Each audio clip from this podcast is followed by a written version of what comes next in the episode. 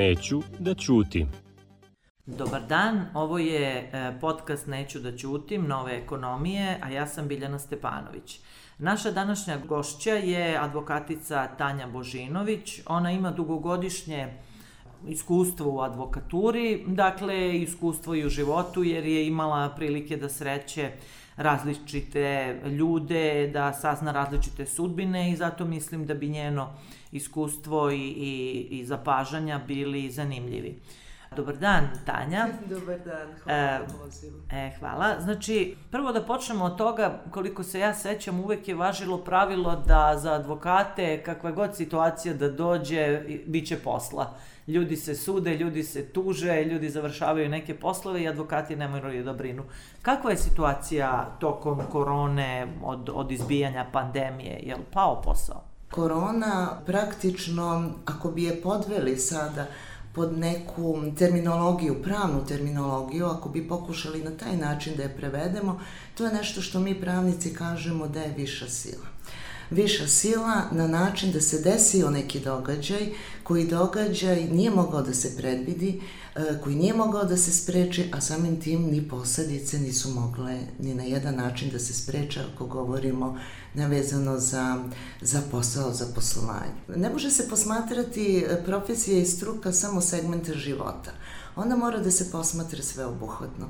Kada kažem sveobuhvatno, mislim pre svega na uslove rada, na način rada.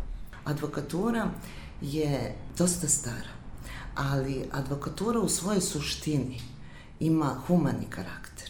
S prostog razloga mi ne možemo da postojimo, mi ne možemo da radimo ako ne uđemo u problem ako sa strankama ne ostvarimo kontakt. U ostvarenju tog kontakta mi dozvoljavamo strankama i praktično mi i ulazimo strankama u život. I na taj način saznajemo suštinu problema. Desilo nam se nešto u godini kada advokatura Srbije obeležava 156, čini mi se, godina svog postojanja. To je dosta dug vremenski period.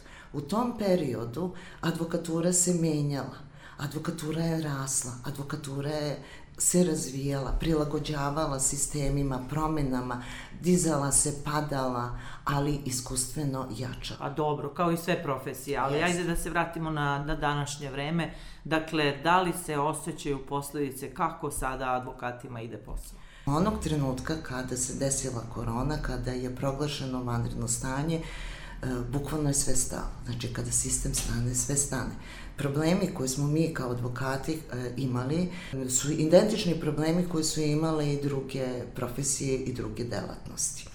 Jeste, ali državni organi rade, sudovi rade. Rade sudovi, to je tačno, međutim ne smemo da zaboravimo da kada se desilo vanredno stanje, sudovi su prestali sa radom. Šta to znači? To znači da su prestala i da se drže ročišta, znači držanje ročišta zakazano, ona koja su bila zakazana u periodu vanrednog stanja nisu mogla da se održe. Ta ročišta su naknadno prezakazana za neke druge termine. A čekajte, molim vas, radili su kafići, a nisu radili sudovi. Koliko nisu radili sudovi? Praktično sve do ukidanja vanrednog stanja. S tim što moram da kažem, postojala je uredba, po, uh, čini mi se da je to donela vlada Republike Srbije, postojala je na, i data je preporuka advokatske komore. Mi jednostavno smo radili samo u hitnim predmetima. Imamo hitne predmete koji su kao zakonom regulisani i predviđeni da su po, po svojoj prirodi hitni ali hitni predmeti su pre svega pritvorski predmeti. To su bili predmeti gde se radilo. Ali šta je problem? Rokova. Da, šta je problem da se rokova. održi e, parnica kad je tu, ne znam, pa sudija, da zapisničar, da dva advokata da i klijent? Pet znači, ljudi. ovo o čemu ja sada govorim, kada govorimo o potpunom zastoju, govorimo o vremenu kada je postojalo vanredno stanje. Da, razumem. Tog trenutka je praktično doneta odluka da se može postupati, da se može raditi samo u situaciji i u onim postupcima koji su po svojoj prirodi hitni. Sve ostalo se smatralo da nije hitno i praktično je sve ostalo bilo na stand-by. Kad se to otkočilo? Posle vanrednog stanja? To se otkočilo praktično posle vanrednog stanja. Vi ste imali situaciju, pa ste, ja moram opet da se vratim na tu koronu. Onog trenutka kada je korona krenula, a pre proglašenja vanrednog stanja, čini mi se da se ti momenti nisu, nisu baš poklopili, mi smo najnormalnije odlazili u sudove, jer naša je dužnost i obaveza da se pojavimo. Mi moramo, ako već imamo ovlašćenje i punomoće, mi zaista moramo da se pojavimo u sud i da uradimo tu pravnu radnju za koju smo ovlašćeni smo dolazili u situaciju da nismo znali da li će biti ročišta, neće biti ročišta. I to je bio jedan period koji je trajao otprilike, ajde možda ako mogu da se setim desetak dana, dok se nije definisalo uredbom, koju sam malo prepomenula, na način da praktično će sudovi postupati samo u hitnim slučajevima. I onda je nastupilo leto, kad se inače slabije zakazuje, koliko znam, ako se ne varam, jest, i šta jeste. onda? Pa um, i ne samo to, zaboravlja se jedna stvar, a to je da ono što smo imali zakazano u vreme, ajde govorimo mart, april, maj mesec, da su to ročišta, odnosno bili termini za održanje postupka već započetih postupaka. Postupaka koji su počeli da teku neku godinu ranije.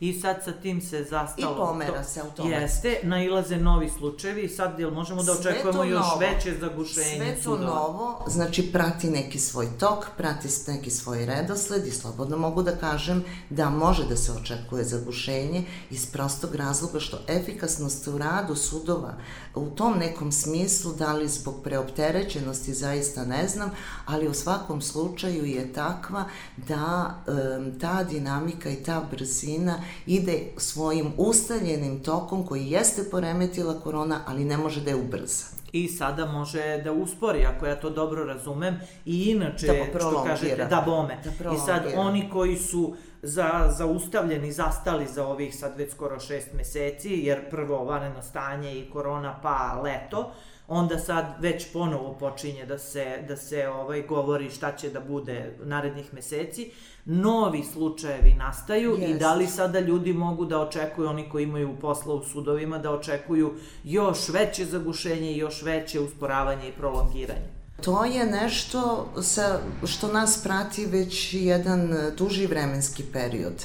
Ja potpuno razumem šta vi mene pitate i to je neka priča koju mene zaista klijenti i pitaju, da ja njima i pokušavam da objasnim, naročito kada je novi zakon o paričnom postupku, čini mi se 2011. godine donet. Osnovna ideja je bila upravo to, izbeći sporost u radu sudova, efikasnost, brzinu i brže okončanje započe, normalno započetih predmeta i budućih predmeta. Međutim, do toga nije došlo. Mi smo i dalje u situaciji da u pojedinim predmetima mi godišnje imamo po dva, tri, a ročišta. Ako imamo četiri, odlično. Znači, razmaci su, eto, otprilike negde dva, dva i po meseca. Vi ste i malo prespomenuli i rekli zastoj šest meseci. Zastoj je mnogo duži. Ako mi posmatramo kada je u pojedinom predmetu bilo poslednje ročište, a ono je bilo za te predmete koji su u toku bilo i prošle godine. A recite mi što se ljudi klijenata tiče, da li oni ovih meseci znajući ili ne znajući da za ovu situaciju o kojoj ste pričali, da li ljudi se teže odlučuju za neke pokretanje nekih postupaka koje su ranije pokretali, ne znam, parnice, tužbe, šta god već rade, ili tu ne vidite neku razliku što se, što se građana, klijenata tiče, nego prosto sudovi sporije sada rade? Potrebe ljudi, potrebe stranaka za rešavanjem nekog njihovog pravnog problema, pravnog pitanja postoji. Sama korona kao korona e, ne mogu da kažem da je uticala na način da oni eventualno prolongiraju svoju nameru da pokrenu određeni postupak, niti je promenila e, njihovu nameru u smislu, znači nameru u smislu ulaska u, u, u postupak e, radi ostvarenja njihovog prava. Njihovo povreda, odbar onako povreda njihovog prava je njima prisutna i to jeste problem. Činjenica sporosti donekle u postupanju jeste bila uvažavana i razumljiva od strane ljudi u vreme korone.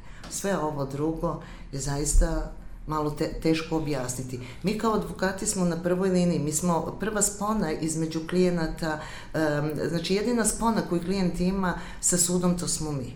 I mi smo zaista u situaciji da moramo to da, da objašnjavamo ljudima. A ja sam mislila možda i sa finansijske strane, jer svako zna kad krene u sudski spor i sudski postupak, tu su neminovni troškovi, a mnogi ljudi su u velikim problemima ako s financijama. Govorimo da, ako govorimo o, o vrsti postupaka koji se rade, ono što ja mogu baš eto iz prakse neke svoje da kažem, imamo neke postupke koji se apsolutno više ne vode. Baš zbog toga što su ljudi suočeni sa velikim sudskim taksama i sa opterećenjem koje te takse ovaj, nose. Ono što e, je prisutno i što je evidentno kao, kao potreba, kao, kao problem, to su sporovi za naknadu štete. I zašto ljudi to rade? Zato što očekuju da po okončanju tog postupka će svoje pravo obezbediti adekvatnom novčanom nadoknadom, odnosno nadoknadom pristeklom i sudske presude po uspešnosti. Znači, opet je to vezano za financije. S te strane, ovaj, zaista i jeste tako. Uglavnom su to postupci vezano za nadoknadu. A malo pre ste pomenuli jednu stvar koju sam i mislila da vas pitam. Vi po prirodi posla praktično ulazite u život ljudi. Da. Hteli, ne hteli, ne da. možete drugačije. Kako vam se čini za ovih, evo, koliko meseci od marta meseca, Um, kako vam se čini, kakva je situacija kod, kod ljudi, kod klijenata, jel su u panici, jel, jel su im poremećeni poslovi, jel su prosto izbačeni iz ležišta ili ne? Jesu, jesu. Znate kako, mi zaista sa klijentima nemamo vremena da pričamo o nekim običnim stvarima. To razumem. Mi odmah ulazimo upravo u suštinu problema i onda postoji zaista taj odnos razumevanja, poverenja. Tako da, eh, onog trenutka kada se desila korona, pojavili su se određeni strahovi. Prvi i osnovni strah to je upravo vezano i za ovu temu, možda kada će biti gotovo, jer ljudi su imali očekivanja da će možda neki postupci biti brže gotovi, oni nažalost nisu. Znači ta iščekivanja u smislu neke finansijske nadoknade zbog koji su oni ušli u sam taj postupak je prolongirana. Tako da jeste, postoji ta kalkulacija u smislu da li da krenem, kada da krenem, a i dešavalo se, ajde da sačekamo, pa da vidimo da krenemo u nekom kasnijem momentu kada bude bila bolja situacija, kad jednostavno e, ona, ta situacija se projektuje na način da će dati neku izvesnost ljudima u smislu donošenja odluke. A evo i vi živite od advokature i vaš sin je počeo da radi uh, kod vas u kancelariji, dakle i vaša porodica u velikoj yes. meri zavisi od tog posla. Yes. Uh, kako vi sagledavate, ovo je bilo kako je bilo, pregurali smo, kako sagledavate buduću situaciju u smislu evo sada ponovo počinje ono crveni se cela Evropa, ne znamo šta će pa, biti. Pa nažalost, kao što sam malo pre rekla, advokatura je rasla, razvijala se, imala je uspone i padove. Bojim se da se mi sada nalazimo u jednom periodu pada upravo u tom smislu, iz prostog razloga što mi smo privatnici prevashodno, mi ne možemo da očekujemo da ćemo na kraju meseca imati sigurnu zaradu. Mi isključivo zavisimo od svog rada i naš rad u ovom periodu je možda čak i pojačan bio upravo imajući u vidu da će proći ovo sve što nas zadesilo, da će opet doći neko normalno vreme kada će svi ljudi normalno živeti, funkciona, funkcionisati, jer jednostavno vi morate da održavate kontakt sa ljudima i da objašnjavate i da pričate. Vi tu sponu nikako ne možete da izbegnete nezavisno od korone. Pa i to je sad izazov, jer Ali se ljudi zatvaraju ja, u sebe. Ja kao advokat moram da radim, znači ja moram da odem, on ima problem, pozove me, ja odem u kancelariju, nevezano da li je da li, je, da li sud radi ili sud ne radi. To je ono što sam ja rekla. u takvoj situaciji ja ne mogu da očekujem plaćanje, znači ja nemam realizaciju. Ja imam plaćanje po izvršenoj realizaciji, odnosno na osnovu, e, na osnovu rada i angažovanja u smislu zastupanja i odlazaka, pisanja podnesaka, mislim, advokatura je malo kompleksnija Jasno, u, u, u sad, smislu obimnosti jasno. rada i poslova. A sad Normalno, imate posao, a nemate zaradu. Imamo posao, nemamo zaradu, iz prostog razloga što vam kažem da jednostavno je e, bio period koji je trajao kod nas u našem poslu i duže nego što je trajalo vanredno stanje zbog onih okolnosti koje sam vam objasnila, zbog dužine razmaka između e, zakazanih ročišta, gde ste jednostavno sedeli bez nadoknade. I kako sad sagledavate ako se ovo duže nastavi? Vi sad ne možete početi radite nešto drugo celog života, ste advokat. Menjati e, profesiju, način rada u ovom trenutku, mi sami pojedinačno to ne možemo da uradimo. Da. Mi smo ipak jedna tradicionalna, ajde da kažem, profesija koja ima nek, neki svoj mehanizam funkcionisanja. Nismo u mogućnosti da sada menjamo način rada, a radi ostvarenja normalno egzistencije. A bilo je čak i reči o tome da se pojedina suđenja obave online, međutim ja, da. advokati da. su bili ne, ja, dosta protiv toga. Ja, sam, je to... ja lično sam odmah, onog trenutka kada se, dobro ste me podsjetili, da, kada se u vreme vanrednog stanja, čini mi se da ona negde na jugu Srbije desilo prvo online suđenje. Zbog povrede mera samoizolacije, čini mi se da je to i održano je na način da je suđenje bilo online, gde je okrivljeni bio odsutan, ja sam tog trenutka rekao da to nije zakonito, da je to protivustavno protivustavno iz prostog razloga što je e, obaveznost prisustva okrivljenog. Mi možemo prisustvo okrivljenog da tumačimo kako hoćemo.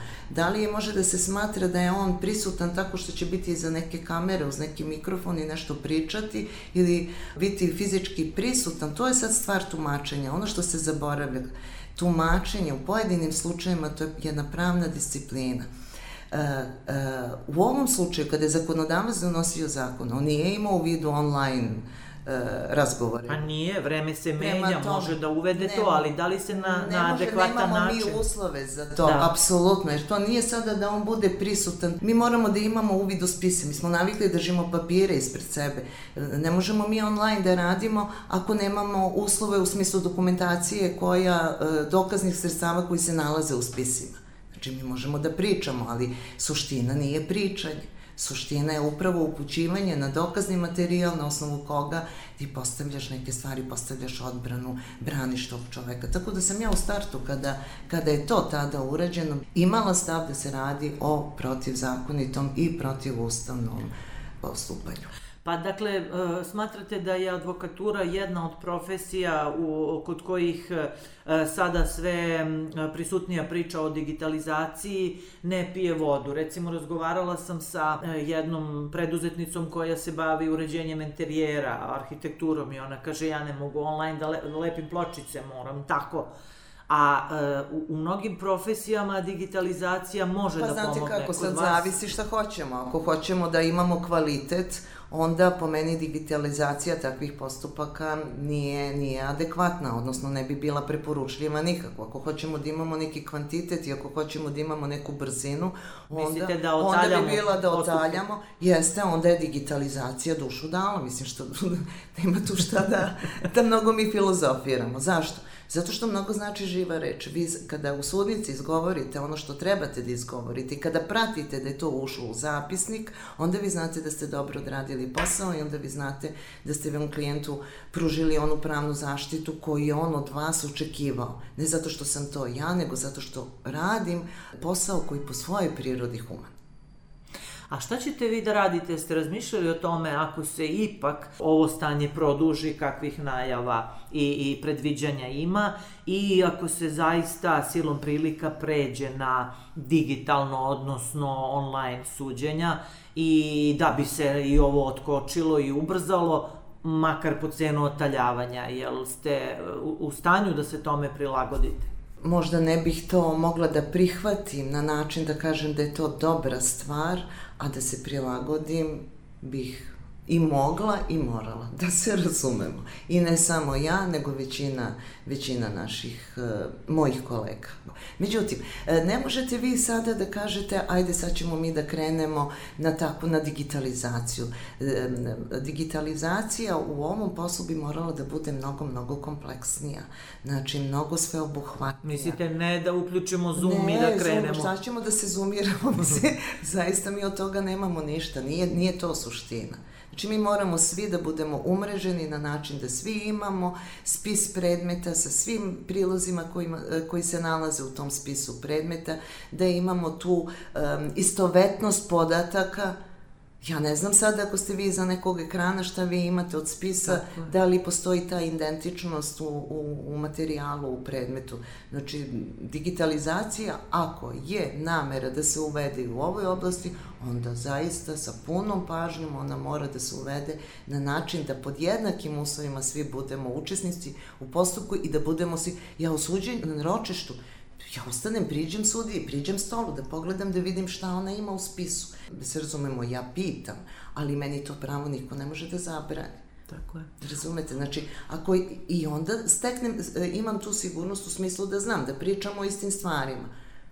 A ovako, znači, mislite da bi u ovom slučaju digitalizacija nikako nije banalizacija digitalizacije uključi Zoom i sad pričaj, nego da je to kompleksan postupak koji bi omogućio da se svi uvežu tako da imaju uvid u celokupan pa postupak. Samo nisu fizički zajedno prisutni. Pa, e, da vam, ako bi došlo do toga, znači to bi jedino na taj način i tako moglo i moralo. Ja opet kažem, ja nisam za to, zaista, e, da ne govorim o tome da sam iz ove neke starije garde advokata koji praktično i naučila od starijih advokata ovaj, svoj posao, um, prosto ne bih mogla to da prihvatim na način da kažemo je super, ajde sad idemo svi u to, mislim uvijek bi se bunila, protivila, ali ako bi se desilo, ja jednostavno ne bi imala kud, kao što ne bi imali ni advokati i ostali. A ni vaši klijenti, a koji će da nadrljaju na kraju. Normalno, da se razumemo, tako da se ja iskreno nadam da do toga neće doći. Evo recimo moram, prosto moram da kažem ovo opet korona.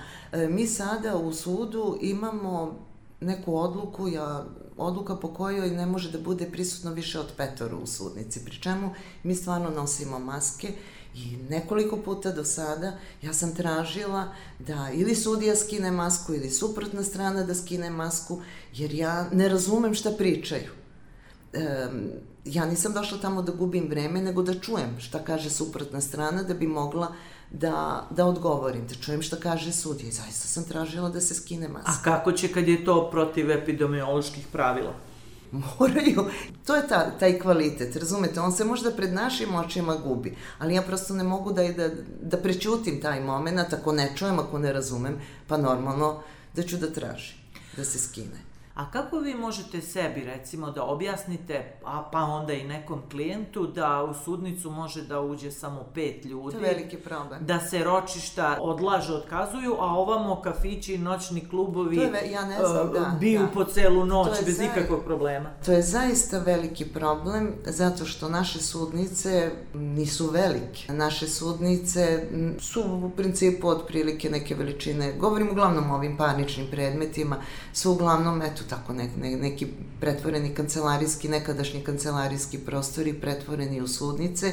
Petoro ljudi u sudnici je nešto što je dozvoljeno e, maksimum. Već preko toga nije dozvoljeno. I u toj situaciji bi mi kao učesnici u postupku imali pravo da kažemo da nemamo uslove za održanje ročišta i da jednostavno se ročište ne održi. Ali mi ne možemo to, taj luksus sebi da priuštimo, jer to znači da klijent opet odlazi iz suda i čeka sledeće, sledeću raspravu, sledeće ročište. Kafić može da primi ne znam koliko ljudi, sud ne može. Pa da, znam, ali to vas pitam, kako vi uopšte sebi objasnite, ja sebi ne mogu da objasnim, kako je doneta uredba da se postupa samo po hitnim slučajevima, da se, ne znam, prolongiraju suđenja, da može da uđe samo pet ljudi, a svedoci smo da noćni klubovi rade, da su puni su... omladine i da potpuno kao da se ništa ne događa. To su nelogičnosti, međutim to je naša svakodnevnica. Mi zaista tu jesmo gde jesmo.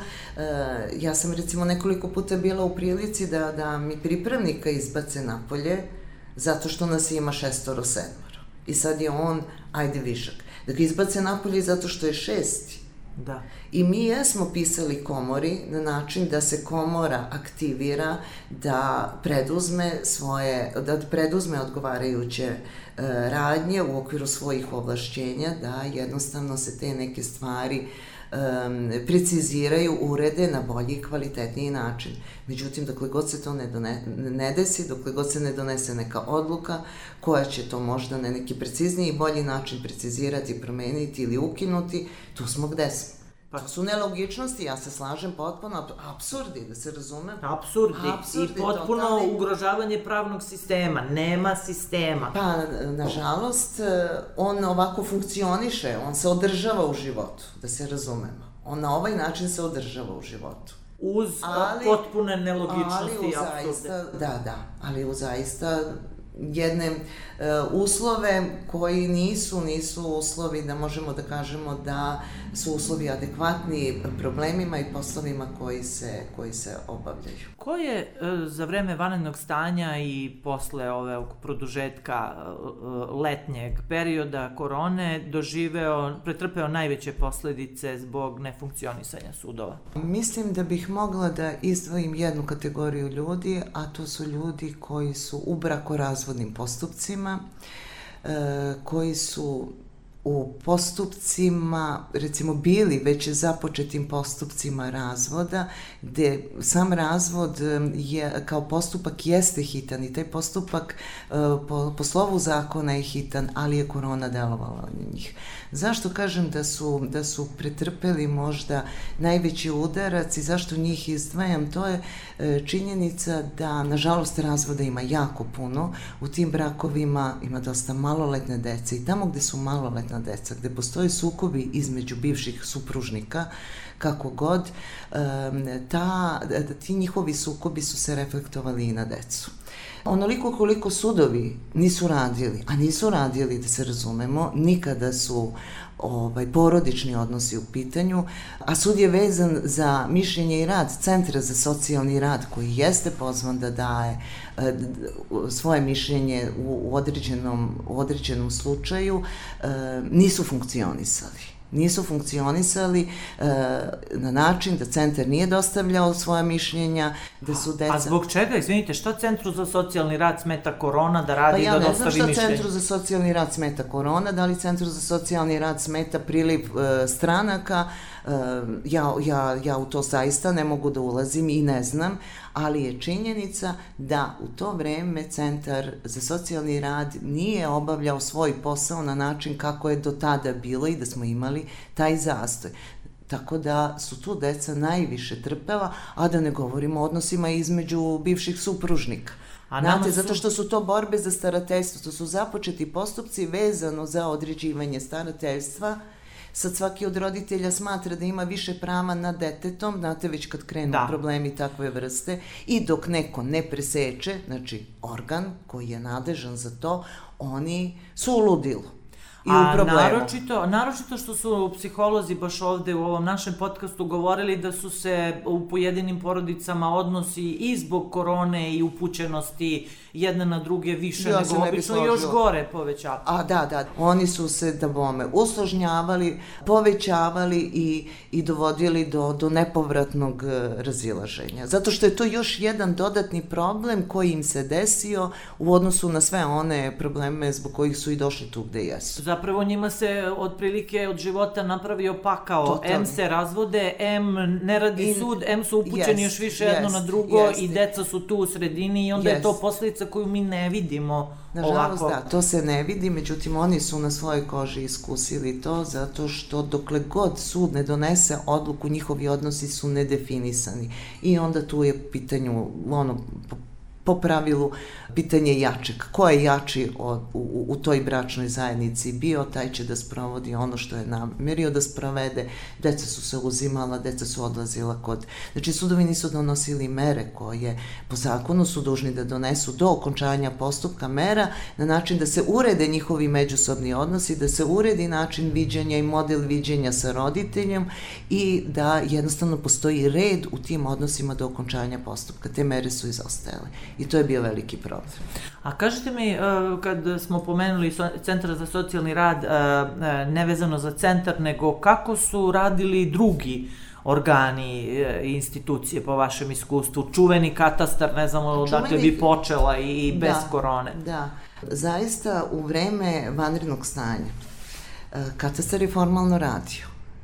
Međutim, mi kao stranke u postupcima do tih zaposlenih koji su bili gore u nekim svojim kancelarijama nismo mogli da dođemo. Apsolutno nismo mogli da dođemo zbog toga što je katastar svoj rad uredio na način da njegovim radom u odnosu na klijente rukovodi i upravlja radnik obezbeđenja. Ne možete da odete gore na sprat, ne možete da podnesete zahtev na šalter ako prethodno niste zakazali, gde su oni ljude terali da to mailom zakazuju, a vi imate penzionere koji nemaju ni Android telefona, kamoli da imaju, da imaju računar i jednostavno su ih totalno onemogućili da ostvaruju svoja prava u tim postupcima, znači da kao stranka da se uključi u postupak, da podnese najobičniji, najnormalniji zahtev i za to su bili zaduženi redari, znači koji su radili u službi obezbeđenja.